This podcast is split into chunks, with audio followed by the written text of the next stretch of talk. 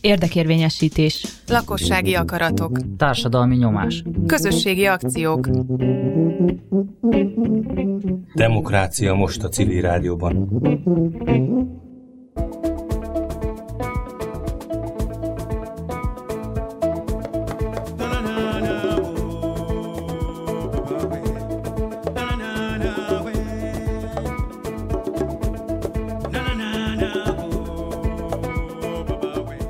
Estét kívánok! A Demokrácia most mai műsorát hallják a házigazdák szokásos módon Sai Mátyás és Péter Fi Ferenc vagyunk. És egy érdekes beszélgetés lesz a mai Demokrácia Most című műsor keretein belül.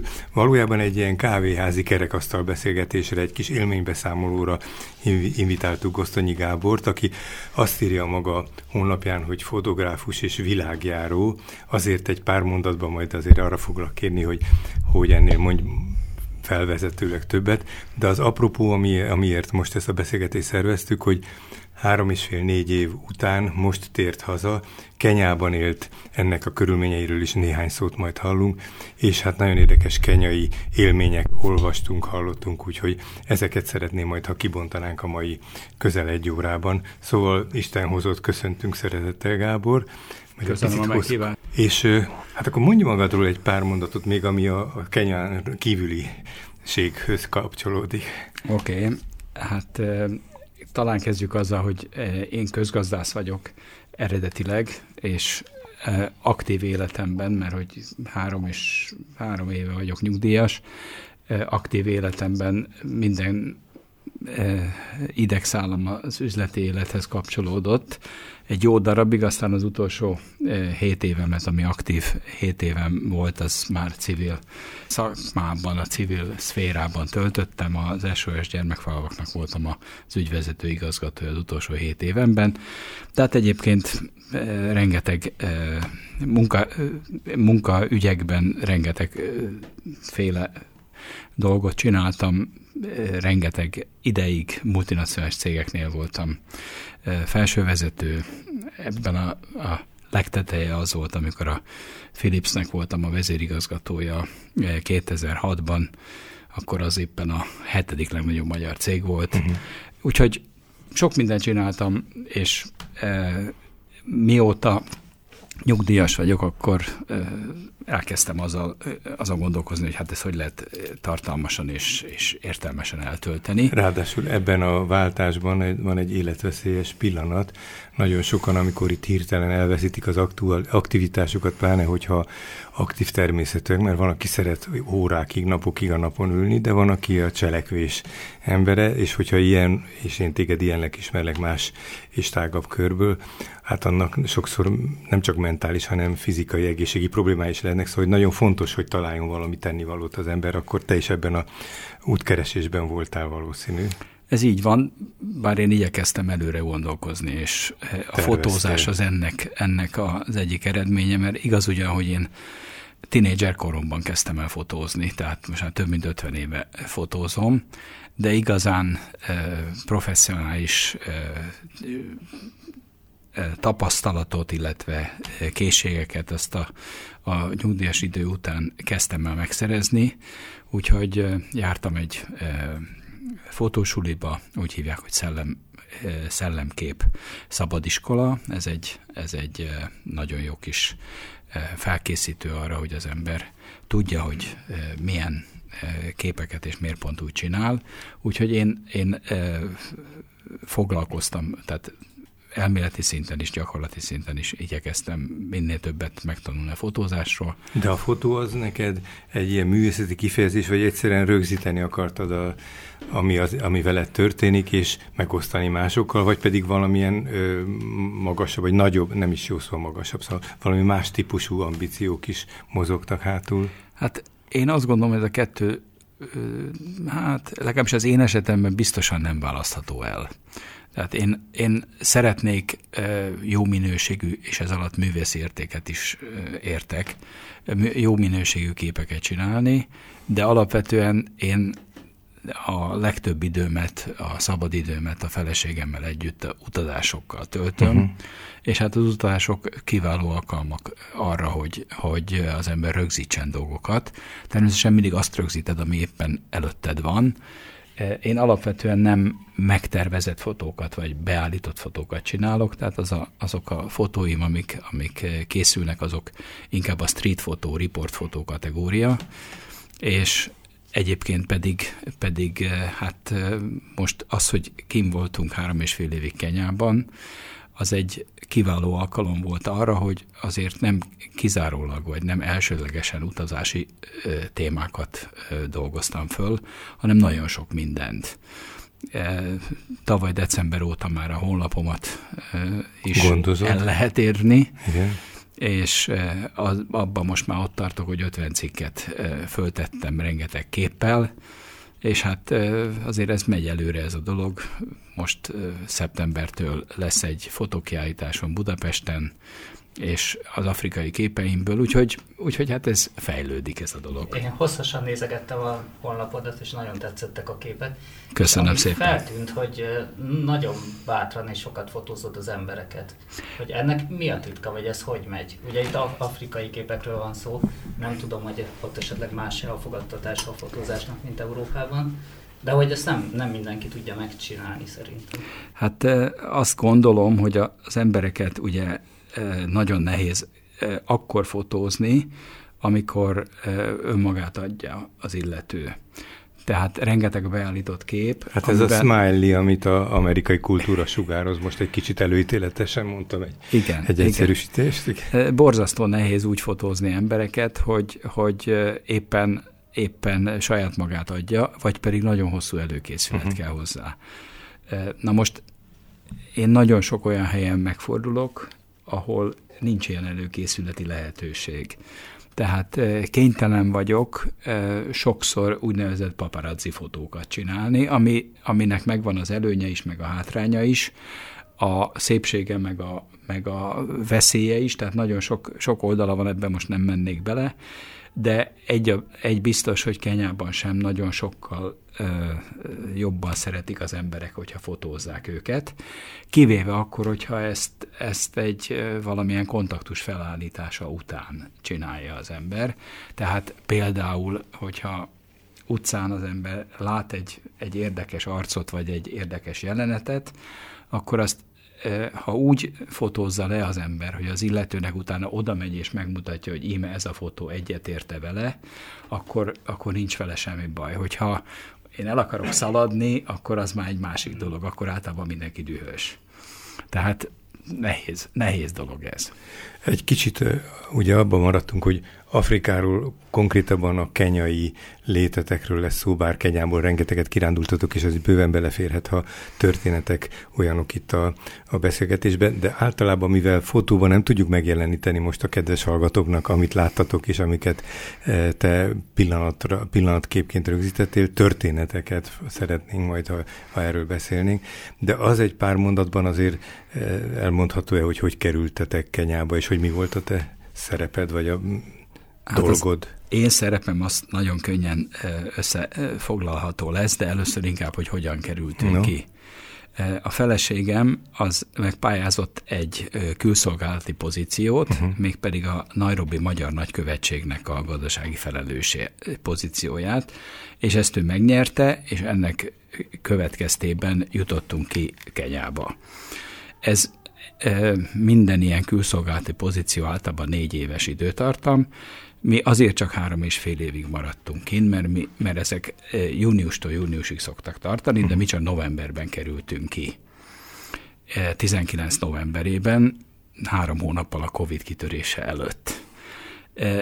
Az én szerepem, mivel én nyugdíjas vagyok, nekem mondjuk munkailag semmi dolgom nem volt Kenyában, tehát én a fotózás szenvedélyének élhettem, meg az én dolgom az volt, hogy mindig kitaláljuk, hogy azon a hétvégén éppen hova kirándulunk, mert hogy a legjobb dolog az, hogy, hogy minél többet látni az országból. Hát te akkor egyszerre voltál felelős annak, hogy a feleséged rekreációjában segíts partner legyél, és közben, hogy a magad útját is azért kitaláld, kiépítsd és járjad. Így van. Mikor, hogy, amikor kimentetek, volt-e valami előzetes, vagy szorongás, vagy előítélet, vagy szóval, hogy hogy, hogy kerültetek, milyen viszonyban ott a, a kenyai társadalommal, a kenyai természettel és a kenyai emberekkel kapcsolatban? Ami azt illeti, mi ezt 24 óra alatt döntöttük el, hogy Aha. megpályázzuk ezt a lehetőséget. Ezt a sztorit most nem mesélném el, mert kicsit hosszú lenne. De már ez is nagyon jó, hogy ez egy, ez egy gyors rögtönzöttnek mondható döntés volt. Igen, gyakorlatilag tényleg arról volt szó, hogy amikor megtudtuk a lehetőséget, hogy van egy pályázat, az, az már futott, vagy két, hét, két hete legalább, de még volt rá 24 óra, hogy a határidőt betartsuk. Úgyhogy mi ezt meg, megnézegettük, hogy hát jó, hát legalább tudjuk, hogy hol van Kenya Afrikán belül, ránéztünk a térképre, internet a barátunk, és mindenfélét utána néztünk, és megpályáztuk, és megnyerte. Feleségem megnyerte.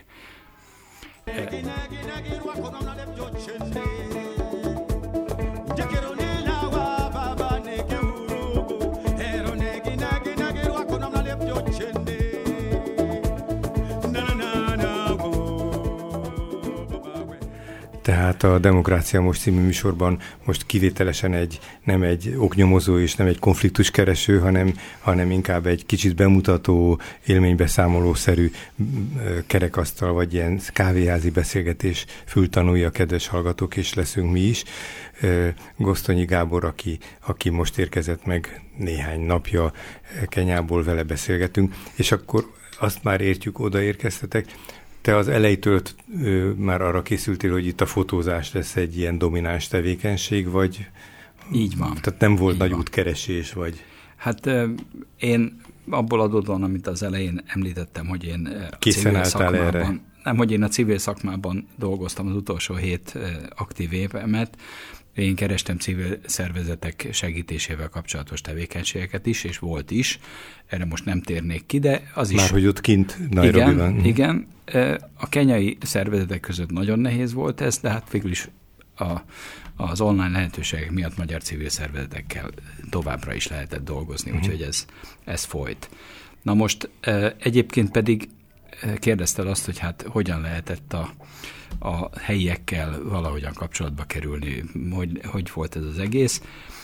Én azt kell mondjam, hogy, hogy valószínűleg a kenyai társadalom pontosan ugyanolyan, mint bármilyen társadalom abból a szempontból, hogy általában egy kívülről jövőt nehezebben fogad el, mint a, mint a helyieket.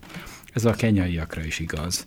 Tehát ott is, ahogy ez egyébként általam már több országban megszerzett tapasztalat, hogy, hogy azért nagyon nehéz megtalálni azokat a kapcsolódási pontokat, ahol elindulhat valamilyen barátságféle, uh-huh. vagy összejárás, vagy, vagy közeli ismerettség. Úgyhogy ez a kenyaiakkal se volt egyszerű, de hát mi ettől függetlenül, hogy most sikerül-e valakikkel összeismerkedni közelebbről vagy sem, ettől függetlenül rengeteg helyre meg elmentünk, megfordultunk, mindenhova igyekeztünk eljutni. Hogyha az ember a honlapodat megnézi, szembeötlő, hogy téged nyilván nagyon érdekelnek a társadalmi problémák, és hát mondtad is, hogy civil szervezetekkel kerested a kapcsolatot. Ez mennyire volt tudatos, hogy a mélyére menjél a dolgoknak? Mert ugye nyom, számos képsorozatot kifejezetten nyomornegyedekről szól. Igen. nagyon izgalmas és nagyon informatív így vizuálisan is, illetve írsz is hozzá. Igen, hát ez a, ez a négy év alatt alakult ki, hogy most már nem csak a képekkel, hanem szöveggel is igyekszem alátámasztani a mondandót. Azt gondolom, hogy amikor az ember ilyen sok időt eltölt egy országban, akkor mindenképpen törvényszerűen túl illik emelkednie azon, hogy turista. És meg kell próbálni valamilyen mélységig föl fejteni a társadalomnak a, az a, alsó bugyrait. Engem egyébként is érdekel. Pláne, ha affinitása van erre. Igen. Igen, ez így van. És hát egyébként pedig nagyon nehéz egy, egy kenyai társadalomban nem észrevenni, hogy, hogy azért a többség milyen szegény színvonalon él, és ez nyilvánvalóan egy európai szemnek kiveri a biztosítékot minden további nélkül. Úgyhogy csoda lett volna, hogyha ezt nem veszem észre, és éppen ezért fotósként pláne pláne igyekeztem ebbe legalább valamennyit megmutatni. Na jó, de az is lehetett volna, hogy ha te erre, ha ez irritál, vagy hogy nem, nincs hozzá affinitásod, hogy elmenekülsz és természetképeket, vagy a városi csendéleteket fotózol, de nem így történt, hála nem Istennek. Nem így történt. Ennek két oka van. Az egyik az, hogy, hogy én egyáltalán nem, tehát a, a fotózás összesága közül a természetfotózás érdekel a legkevésbé. Tehát igaz, hogy a honlapomon is van rengeteg oroszlán, meg, meg eh, csita, meg leopárd, meg nem tudom micsoda, de ettől még nem az érdekel. Eh, csak az a helyzet, hogy hát volt egy, volt egy túra szervező ismerősünk, akinek a segítségével jó sok túrát Kenyában és Afrika más országaiban megszerveztünk, és hát körülbelül egy-két év után mi mindig mondtuk a feleségemmel, hogy szeretnénk ilyen, meg olyan, meg amolyan túrát, de egy kérésünk van, ne safari legyen. hogy ne safari mert hogy egyikünk se szeretné állandóan a, a nemzeti parkokban tölteni az idejét, bár gyönyörűek és bár nagyon érdekes, de ettől függetlenül ne oda. És erre az volt a válasz, hogy de hát Kenya erről szól. És való igaz, hogy egyébként Kenya az egy természeti szempontból fantasztikus hely, rengeteg olyan dolgot lehet látni a természetet illetően, amit sehol máshol, nem csak Európában nem, hanem Afrikában is nehéz. Tehát kétségtelenül vannak e, csodálatos dolgok, amiket meg lehet nézni, tehát mi azért elsősorban az emberekre volt. Én legalábbis elsősorban az emberekre voltam kíváncsi. Még egy dolog, dolog hogy e, ha szabad, akkor itt a reklám helye, hogy a, a honlapom az úgy szól, hogy gosztonyigabor.hu, és e, ott csináltam, írtam egy 11 részes sorozatot afrikai törzsekről, ami nem csak kenyai törzseket jelent, hanem, hanem e, más ugandai, tanzániai, namib e, törzsek, 13 törzsről van szó ezekben a cikkekben, rengeteg képpel és az életformájuk leírásával. Én nem vagyok egy etnográfus, mint említettem, közgazdász vagyok, de amit lehetett, azért igyekeztem összeszedni, és rengeteg fotóval próbáltam illusztrálni. Tehát akkor az azt jelenti, hogy nyilván kutató munkát is végeztél, szóval hogy nem csak úgy beleléptél valami helyzetekbe, hanem, hanem ezeknek azért a hátterét is mert az ember sok mindent lát, de hogy pontosan megértse ez, pláne ha nyelvi nehézségek is vannak, akkor ez, ez nem adódik magától, szóval ehhez erőfeszítések kellenek, akkor ezek a kutatómunkák egy kicsit a, a beágyazottságot is megteremtették? Hát azért a kutató munkát azt egy kicsit Hát egy erős szintű kutató, egy tájékozódó kutató. Igen, igen, tehát e, igyekeztem e, sok mindennek utána olvasni, de azért ennek nagyon messze van a tudományos igénytől. Jó, de hát a... nem, is a, nem is tudományos kutatást. igen, hát az biztos, hogy az interneten sokat kutattam, uh-huh. ez így igaz. Még ha megengeditek, egy kicsit visszakanyarodnék a nyomor negyed. Igen. Hát sőt, erről beszéljünk hosszabban. Mert az ez... egyik képsorozatod végén írsz valami olyasmit, hogy konklúzió nincs, nem mersz, vagy nem vállalkozol arra, hogy konklúziót levonjál, ami egy nagyon szimpatikus hozzáállás, de azért most nyilván azt fogjuk is erőltetni, hogy, hogy, hogy valamit általánosítva mesélj nekünk erről, hogy mennyire durvának kell elképzelni ezt a nyomort, és hogy mennyire boldogtalanok benne az emberek. Mert igazából azok az arcok, akiket te lefotóztál, így a fotón nem tűnnek nagyon boldogtalannak. Nyilván ebből nem lehet semmit megítélni.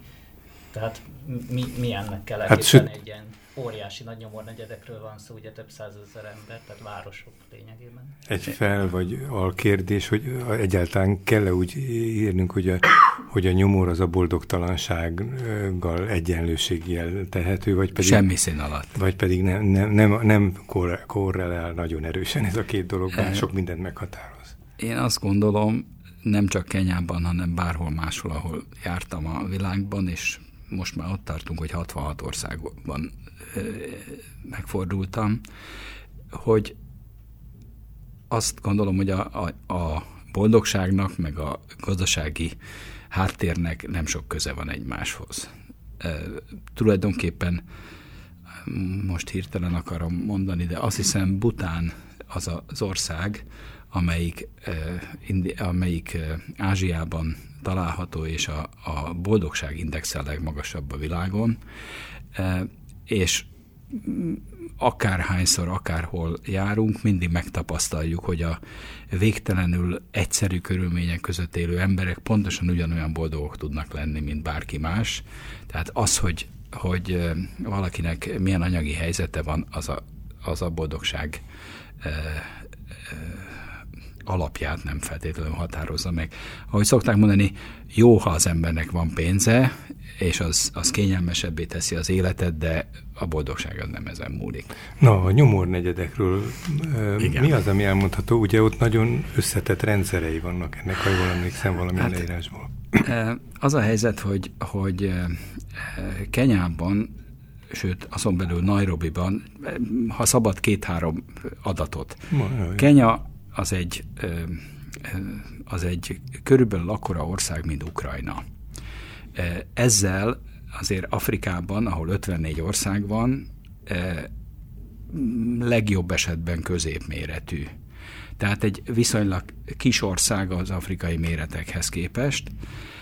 55 millió körül van a népessége, és hát mondjuk egyébként, hogy abszolút számot is mondjak, ez körülbelül Magyarországnak a hatszorosa nagyságban. De hát mondjuk populációban is. Igen. És egyébként Nairobi ezen belül, a főváros, körülbelül egy 5,5 milliós, 5-5,5 milliós nagyságrendű város. Ez Nairobi az ebből a szempontból a világnak az első 80 legnagyobb városába tartozik. Na most Nairobin belül sok nyomornegyed van. Az egyik legnagyobb nyomornegyed az a Kibéra. Én nem ott voltam, hanem a Madare nevű nyomornegyedben, az a második legnagyobb. Ez is egy több százezres nyomornegyed.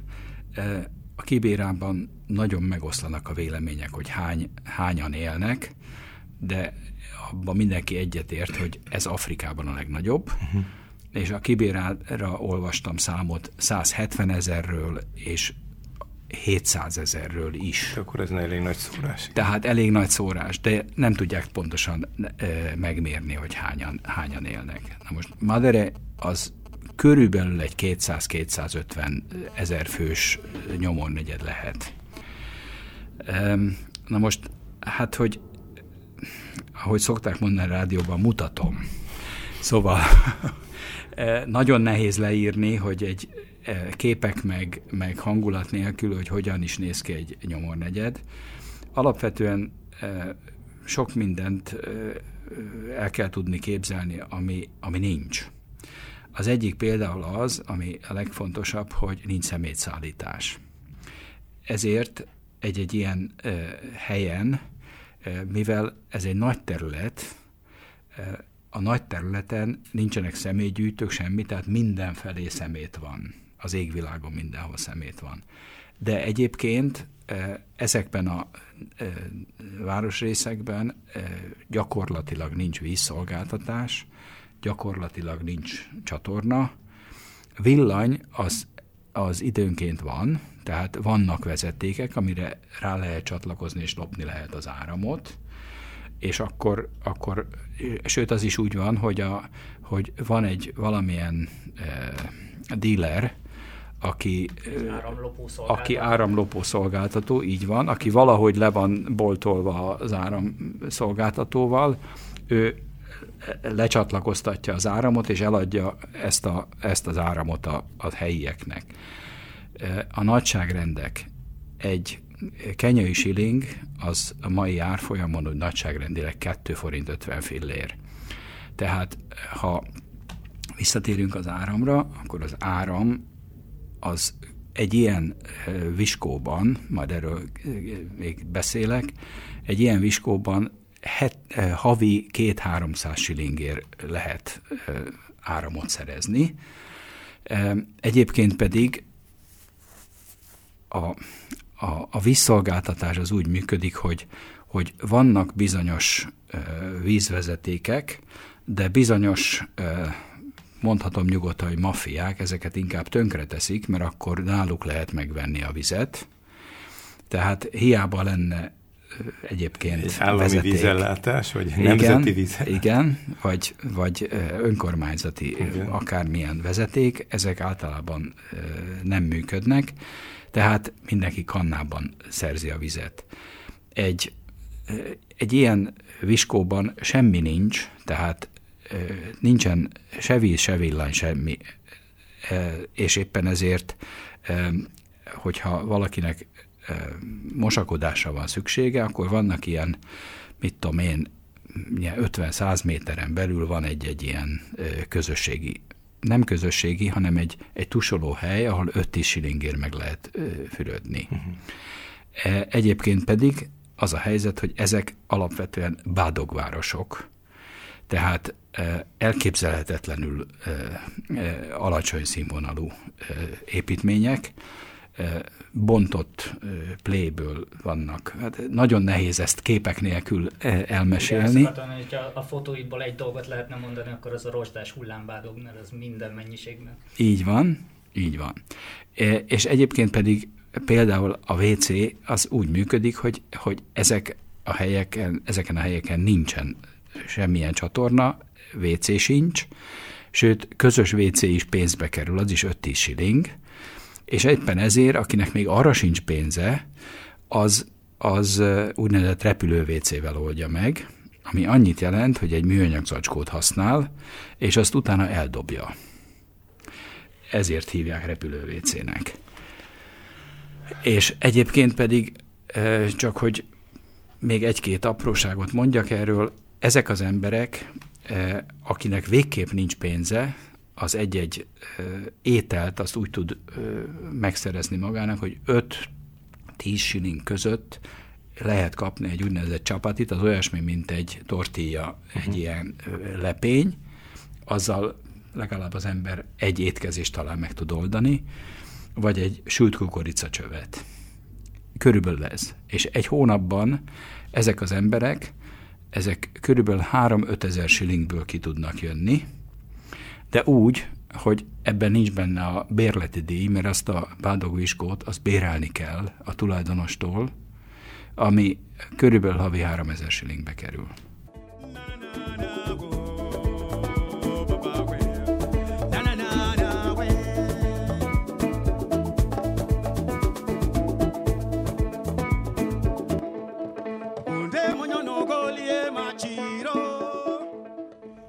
nyomorvárosnak a fizikai állapotát szóban, amennyire szóban lehet leírtad. Egy kicsit az emberi, meg ilyen társadalmi viszonyokról beszéljünk. Az már fölmerült, hogy a boldogság és boldogtalanság fogalom hagyományos értelmezésben itt más át, át kell kódolni, nem, nem a hagyományosan értelmezzük. És jó, ha jól emlékszem, egyszer a leveleid vagy valamelyik bejegyzésedben leírtad azt, hogy hogy jutottatok ti be személyesen egy ilyen nyomor negyedbe, mert az nem egy egyszerű dolog fehér embernek, idegen fehér embernek, mintha valaki házvezetőnő, vagy valaki, aki, aki ott nálatok dolgozott volna, ő segített volna. Egy picit ezt a történetet, ha bemutatnád. Neked itt most két emlék összemosódik egy kicsit, de teljesen mindegy. A lényeg az, hogy egy ilyen nyomornegyedbe egy fehér ember anélkül, hogy megtámadnák és megpróbálnák kirabolni, legalább a telefonját, legalább a hátizsák tartalmát, stb., anélkül nem nagyon tud bejutni. Tehát akkor ez egy mindennapos dolog ott, hogy, hogy megtámadnak és mar- markecolnak, hogyha egy ilyen helyen bemegy. igen, uh-huh. egy ilyen helyen igen. Na most éppen ezért én is csak úgy tudtam bejutni, hogy volt egy ismerősünk, aki összeismertetett egy helyi szociális munkással, aki Madaréban született, ott nőtt föl, és ő vele egy hölgy volt, körülbelül egy 30 év körüli hölgyről van szó, akinek a, a segítségével körbe tudtunk menni, tehát ő kísért körbe, de úgy, hogy ő is egy helyi egy védelem, védelem tehát egy, egy, ahogy szokták magyarul mondani, egy őrzővédővel együtt, tehát egy ilyen őrrel együtt hármasban mentünk körül, amiről mindenki tudta, hogy oké, okay, ez, ez, ez olyan állapot, amit nem illik megtámadni.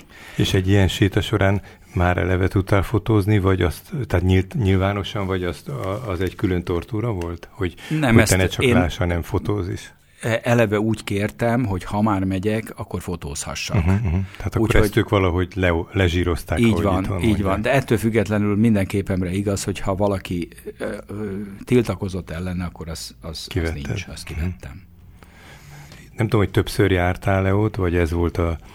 Madaréban csak egyszer, de hát sok helyen jártam, uh-huh. úgyhogy, úgyhogy az is egyértelmű számomra, hogy azért Madare az egy az egy kifejezetten nyomortelepnek minősíthető terület, de jó néhány olyan helyen jártam, amit a magyar szem ugyanúgy nyomortelepnek gondol, de az egy magasabb színvonalú. Szelide változat. Igen. Jártunk például a, az egyik e, helyi alkalmazottnak a, a e, lakása környékén, mégpedig azért, mert hogy egy részt vettünk egy afrikai istentiszteleten és az egy másik, a magyar terminológia szerint az is egy slum, az is egy nyomortelep, de mégis ott van szemétszállítás, ott van víz és van villany. Uh-huh. De attól még bádokházak, és a, tehát vannak ezek között is komoly szintek, szintkülönbségek. És például egy ilyen helyen jártunk, ahol, er, erről is van egyébként a honlapon egy cikk, és ég és föld a különbség. Tehát ott például egy, egy sokkal biztonságosabb környék, uh-huh. ahol egyedül is bemertem menni, és bemehettem egyedül is. És vannak fokozatok. Itt a szenvedélybetegségek, alkoholizmus, drogok mennyire van jelen? Hát, nem, nem, azt sem tudom pontosan, hogy milyen vallásúak, hogy például mennyire isznak. Kenya az alapvetően egy katolikus társadalom, körülbelül a 80% az katolikus, de szinte minden más vallás is megtalálható. Például ez területfüggő, tehát például a, a tengerpart része az erősen muszlim. A, a, az ország egészében körülbelül 10% a muszlimnak a muszlim vallásúak aránya, de rengeteg afrikai vallású ö, ember is él, és hát Kenyának van egy nagyon érdekes ö, szempontja a vallás oldaláról, az pedig az, hogy Kenyában van a világ legnagyobb egyházi szövetsége, amelynek írdés mond 4000 egyházatagja, ami annyit jelent, hogy a vallás az egy jó üzlet, és ezért mindenki megpróbál abból valami kis pénzt csiholni, tehát sokan, sok a bejegyzett egyház, hogy ezeknek melyik része mekkora, és erről nem tudok sokat, úgyhogy erről nem tudok eh, többet mondani, de hát ez egy, ez egy elég érdekes adalék, azt gondolom. De kikerülted a kérdésnek az első részét, a szenvedélybetegség. Ja, a szenvedélybetegség. Mert hogy valahogy a magyar fejjel a, a nyomor az együtt jár ezekkel a Így van. és az e, úgy együtt olyan... Igen, na most hát az alkoholról tudom, hogy mivel az embereknek nincs pénze az alkoholra, tehát e, alapvetően inkább ilyen, ilyen erjesztett dolgokból készül valamilyen alkoholos ital, és biztos, hogy vannak, vannak szenvedélybetegei. Nem nagyon mentem utána, nem, ezért is nem tudtam az előbbre válaszolni. Ahogy, ahogy... De, bocsánat, még két dolog eszembe jut. Az egyik, hogy, hogy e, ugyan olvastam a helyi sajtót, de nem nagyon emlékszem nagyon sok ilyen drogos hírre. Tehát nem tudom, hogy milyen, mennyire veszélyes, vagy mennyire elterjedt. A másik, ami eszembe jutott, hogy az egy kezemem, sőt, azt hiszem a három ujjamon meg tudom számolni, hogy három és fél év alatt hány helyi embert láttam dohányozni. Egyáltalán nem dohányoznak. Lehet kapni a boltban, és fönn van a pénztár fölött a, a cigarettás doboz, de, de nem, senki nem dohányzik. Ha elképzeljük Kenyát, mondtad, hogy 70 millió körüli nagyság. 55. Ja, 55 millió nagyságrendű a lakossága, akkor egy jelentős része a nagyvárosokban valószínűleg ilyen nyomornegyedekben van, de azért a város, ahogy a, láttál-e bele a, a, a nagyvárosi és nyomornegyeden kívüli világba, vagy ott csak ilyen futó benyomásaid lettek, szóval látsz, láttál, hogy, hogy a többiek, akik nem ezeken a helyeken vannak, körülbelül hogy vagy mi, miből élnek, vagy hogyan, hogyan Természetesen élnek. láttam, és ebben éppen az az érdekes, hogy van egy statisztika, amely azt mondja, hogy Nairobi lakosainak, mint említettem, úgy nagyságrendileg 5 millió, Nairobi lakosainak úgy a 70 a él nyomornegyedben, ami Nairobi területének az 5 százaléka. Elképesztő. Az összes többi az, az különböző színvonalú házakban él. A kenyai társadalomról nyugodtan el lehet mondani, hogy, hogy minimálisan, hát ennek nem néztem utána, hogy mekkora az olló mondjuk az alsó 10% meg a felső 10% között. Én azt gondolom, hogy minimum 20-25-szörös. Uh-huh. Magyarországon, ha jól tudom, most olyan tízszeresnél tartunk. Tehát ennél sokkal szélesebb az olló, és azt gondolom, hogy egy nagyon szűk felső réteg van, amelyik bármit meg tud engedni magának. Tehát Bentley-t, Ferrari-t és, és Lamborghini-t és Lamborghini-t is bármikor lehet látni a, a, a Nairobi utakon, de alapvetően az emberek túlnyomó többsége az gyalogol, a, az embereknek a 30-40 százaléka reggel, amikor munkahelynek nevezem most, de majd mindjárt mondok rá egy mondatot, elmegy a, a munkavégzés helyére, az általában gyalog van. Mert a, az úgynevezett matatura, ami, a, ami magyarul az iránytaxi szerű kis buszt jelenti, aminek körülbelül 20 shilling a, a viteldíja, arra sincs pénze, tehát nem tudja megengedni magának. Uh-huh. Tehát ez körülbelül a 30 százalék. Egyébként pedig a kenyai lakosságnak két érdekes adalék, hogy az 50 a még nincs 18 éves. Tehát ennyire fiatal ország. Aztán. Igen. A, és ezen belül, vagy ennek a másik oldala, hogy 60 fölött pedig körülbelül a 3 a népességnek. A másik az, hogy, hogy a, a kenyai körülbelül 50 milliós lakosságnak körülbelül 20 milliós az a munkaképes korú lakossága, tehát akik a 18 fölötti, de még 60 alatt körülbelül, vagy 70 alatt. Ennek a népességnek a 80 a az úgynevezett informális munkahelyeken dolgozik, tehát nincsen bejelentett, semmilyen, semmilyen valódi munkavállalási lehetősége nincs. Általában az utcán valamit árul, vagy valamiből valahogyan pénzt megpróbál csinálni, és úgy nagyságrendileg a 20 százalék az, amelyiknek munkája, hivatalos munkája van, ez körülbelül annyit jelent, hogy pont ugyanannyian vannak, mint Magyarországon, egy 4-5 millióan. Ponde monyo no golo mana machiro hátralevő időben annyi mindenről lehetne beszélni, és tulajdonképpen csak megkapartuk a környezetét ennek a, az élményednek, és a fotókról áttértünk a társadalomra, és azt is gondolom, hogy maradjunk itt, majd a legfeljebb a végén mondunk egy-két logisztikai adatot, hogy hol lehet a fotókkal is még egyszer elmondjuk jobban találkozni. Mi az, ami a, mit respektálnak a helyiek? Megszabható ez? Ugye van egy nagy szabású, akikről most beszéltünk, nagyon nagy dominanciájú nyomorban élő, vagy nyomor és nyomor határán élő, és van egy kis százalék, akik, akik nem.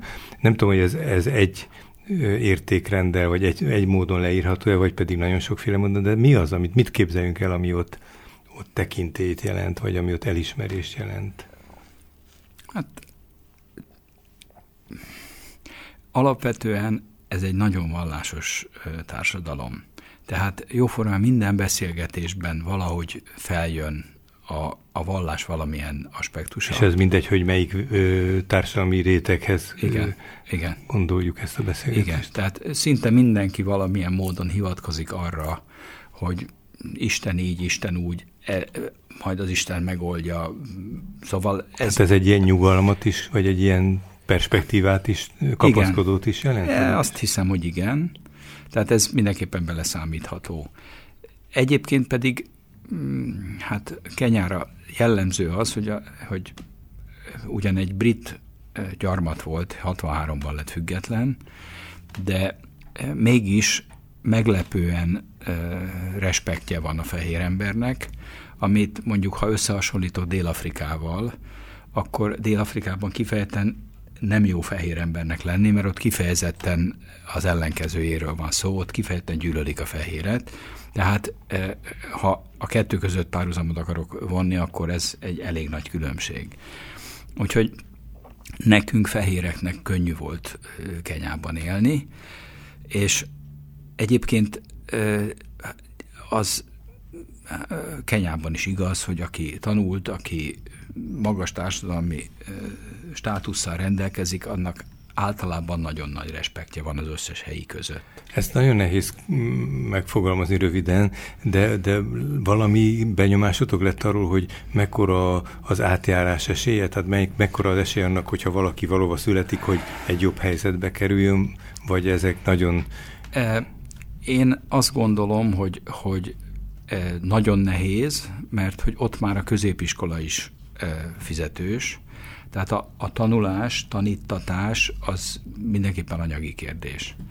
Hogy összehasonlítást tegyünk ismét, ott egy állami iskolában, mert azért azok természetesen vannak, főleg az alsóbb osztályok, egy állami iskolában 80 gyerek van egy osztályban. És, és nyilvánvaló, hogy, hogy 80 ember között vagy 80 gyerek között nem nagyon lehet tanítani. Tehát a tanítás minősége nyilván ezt meghatározza. De ettől függetlenül mindenki, akit ismertünk a környezetünkben, akár a feleségem munkáján a, a helyi alkalmazottak, akár a mi környezetünkben, lakókörnyezetben, a, akiket ismertünk, mindenki mindent megpróbált azért, hogy, hogy tudja tanítatni a gyerekét. Egy pillanatra már belekaptunk abba, hogy meglátogattál számos ilyen hagyományőrző távoli törzset, és az egyik képsorozatod alatt nem álltad meg, hogy konklúziót vonjál le, és leírtál három dolgot, ami tönkre teszi ezt a hagyományőrző életmódot. Négy dolgot. Igen. De ötöt is mondhatsz. El, elismételnéd ezeket, légy Igen azt hiszem, hogy a három és fél leg, év legnagyobb eh, élménye számomra az volt, amikor a Turkánató eh, környékén eh, különböző afrikai törzseket, kenyai törzseket látogattunk meg. A Turkánató azt aki korán tanult földrajzot, úgy értem, hogy 50 évvel ezelőtt azt még Rudolf Tónak tudta, vagy tanulta, és Rudolf Tó az egyébként arról ismer, ismerszik meg, hogy a Teleki Sámuel és, a, és egy osztrák, sajnos az ő nevét nem jegyeztem meg, úriember volt az, aki Európa számára felfedezte ezt a, ezt a tavat, a lényeg az, hogy ezen a, ezen a túrán egy, egy kiváló túravezető eh, vitt el minket, egy helyi, helyi túravezető, aki, aki amikor az egyik törzshöz eljutottunk, eh, akkor sokat beszélgettünk arról, hogy hát ezek a, ezek a szokások, amiket mi ott láttunk, vagy ezek a, ezek a törzsek, ezek a környe, környezetek, amiben ezek élnek, ez lehet, hogy 10-20 év múlva egyáltalán nem lesz elérhető. És én is azt gondolom, hogy ez, ez nagyon sokat fog változni a 10-20 év alatt, és ő mondta, hogy hát tulajdonképpen ez négy szempontnak köszönhető. Az egyik az, hogy, hogy az internet, ami annyit jelent, hogy független attól, hogy ezek az emberek rendkívül egyszerű körülmények között magyar szemmel elképzelhetetlenül egyszerű körülmények között élnek, e, mégis mindenkinek van egy mobiltelefonja, a kezében, mert ezzel tartja a kapcsolatot a világgal. És ezeknek egy nagy része okos telefon, ebből következően internetet is tud rajta nézni, és láthatja, hogy mi van a világban. A másik az, hogy, hogy hát a turizmus az erősen befolyásolja ezt, mert a turizmusnak is látják az eredményét, a hatását. A harmadik az, hogy a civil szervezeteknek a tevékenysége, mégpedig azért, mert hogy a civil szervezetek a segítés címszóval rengeteg olyan dolgot adnak nekik, amiért nekik ebből következően nem kell megdolgozni. Én is eltöltöttem sok évet civilként, és tudom azt, hogy a civil szakmában az egyik fontos szempont, hogyha egy módvára ne adjunk ingyen valamit, mert annak kisebb értéke Tehát van. a függőségre gond utalsz ezzel, hogy a függőség Igen, teremtődik meg, annak nincs értéke, amit ingyen kaptunk. Uh-huh. Amiért valamit vagy fizetni, vagy tenni kell, azért annak sokkal nagyobb a respektje. Ez volt a harmadik, a negyedik dolog pedig a misszionáriusoknak a tevékenysége. Változatlanul ezeken a területeken rengeteg misszionárius dolgozik, különböző felekezetekből, és hát ezeknek a hatása is e, nagyon, nagyon nyomasztó. Többek között az, ahol pont ezt olvastad, ezt a négy kritériumot, ott van egy fénykép arról, hogy az egyébként törzsi tradíció szerint fölöltözött, vagy öltözettel bíró lakosság, mondjuk így, vagy, vagy csoport, közül volt egy hölgy, egy nő, aki a gyerekeivel teljesen kiviláglott ebből a, ebből a közösségből, mert abszolút európai ruhában volt. És amikor megkérdeztük, hogy ő miért nincs, vagy nem azt hordja. Azért, mert ő elment a katolikus misszióba, és ott azt mondták neki, hogy csak akkor jöhet, hogyha átöltözik. Pedig aki megnézi a fotóidat, látja, hogy milyen elképesztő kulturális örökség és kincs Így igaz. van jelen az ékszerekben, a ruhákban. Így igaz. Hát még tényleg két-három percünk van a majdnem egy órából. Már tulajdonképpen utaltál erre az előbb a civilek kapcsán, de hogy a közösség, hogyha nem is csak ilyen szervezett civil társadalomként, bár akár úgy is gondolunk rá, a közösség hogy van jelen akár a szegény világban, akár a tehetősebb világban, tehát hogy, hogy működik-e, vannak-e ennek, ennek ö, intézményes formái, vagy vannak-e spontán formái, ha ez a néhány, két-három percben még így valami ebből kifejthető, aztán majd egyszer kibontanánk. hát az biztos, hogy sok olyan apró, nagyobb jel volt a, az ott létünk során, amikor lehetett látni, hogy ezek a közösségek kifejezetten egymásra utalva élnek. Rengeteg olyan helyzetet láttunk, ahol akár a család, mondok egy példát, hogy ne, ne másról beszéljünk. Az embereknek ugye nincs pénze általában az egészségügyre. Tehát ha valakinek, egy családtagnak valami komoly baja van, és ahhoz kórházi ellátásra van szükség, az nagyon kemény pénzekbe kerül. Akár két-három millió shillingbe kerülhet egy komolyabb valami ügy. És akkor mit csinálnak? WhatsApp csoport, tehát internetes csoport, üzenetküldő chat csoport, és abban minden egyes ismerősnek írnak, és elkezdenek kérni pénzt. Két-három ezer silinget mindenki hozzáad, és egy valamennyi összejön. Én ilyet Magyarországon még nem hallottam. Uh-huh. Vagy, hogy a, a, az a lakóközösség, ahol mi éltünk, ott is volt ilyen WhatsApp csoport. Mindent megbeszéltek. Mindent. Tehát hogy hol legyen a gyerekeknek a kosárlabda palánk, vagy ne legyen, legyen vagy ne, és kit zavar, kit nem zavar, stb. Tehát ezek, ezek élő dolgok. Mondjuk ott elképzelem, hogy ott olyan típusú emberek lakhattak egy, egy ilyen kör, közegben, akik érdekérvényesítésben egy kicsit talán járatosabbak, és, és talán befolyásolni tudták a dolgok alakulását. Esetleg aki a nyomornegyedben lakik, annak, annak kevesebb esélye lehet ahhoz, arra gondolom így kívülállóként, hogy, hogy változás valamilyen szereplője legyen, de lehet, hogy nem így van. Most azt nem mondhatom, hogy ilyen mélységig ismerem a, a nyomortelepek életét, úgyhogy erre nem nagyon tudok mit mondani. Egy biztos, hogy ott is kialakulnak olyan közösségek, ahol, ahol biztos, hogy segítik egymást. Tehát ez a ma nekem, holnap neked, és például ezért biztos, hogy ezek valamilyen mértékig kell, hogy működjenek. Tehát abból, amit mondtál, félmondatokból összerakva, úgy tűnik, hogy ez egy erősen kommunikáló ország, tehát hogy nagyon erős a kommunikáció részben, mondtad a telefóniát, részben a különböző lakóhelyen lévők vagy érdekcsoportoknak a, a találkozását, tehát hogy nagyon élénk diskurzusok zajlódhatnak, ez, ez megállja a helyét, vagy én fogalmaztam, elvontál ezt? Alapvetően igaz.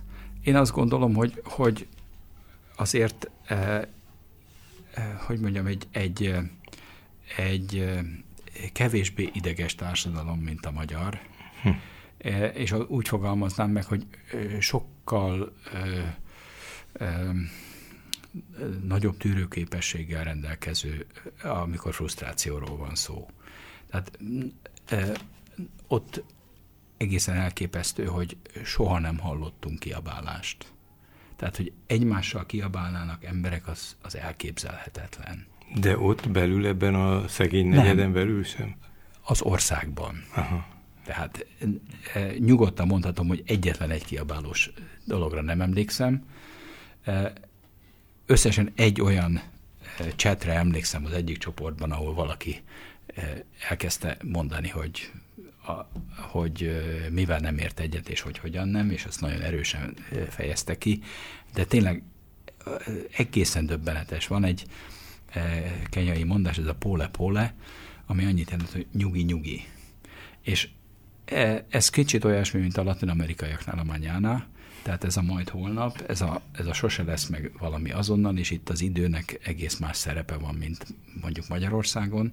Ha ez még belefér, akkor elmondom, hogy van egy maszáj közmondás, nem közmondás, egy, egy, egy maszáj idegenvezetővel beszélgettünk az egyik túra során, és akkor azt mondta, hogy Tudod, Gábor, az a helyzet, hogy hát az európaiakhoz képest azt lehet mondani, hogy hát az európaiaknak órája van. A maszályoknak ideje. Hm. Nem, nem olyan, tehát a, az időfogalom az egy kenyainak egész más. Az, hogy valakivel megbeszélsz délután kettőre egy találkozót, és csak négykor érkezik meg, az a magától értetődő. És senki nincs felháborodva. És így tovább, és így tovább. Gosztonyi Gábor, fotográfus és világjáró, ez van a honlapodra írva. Ennek egy kis szeletét, egy töredék szeletéből egy kicsit hallottunk, most merítettünk Kenya társadalmának néhány apró jellemzőjét, de nagyon érdekesek voltak. Köszönjük szépen! Én is köszönöm szépen a meghívást.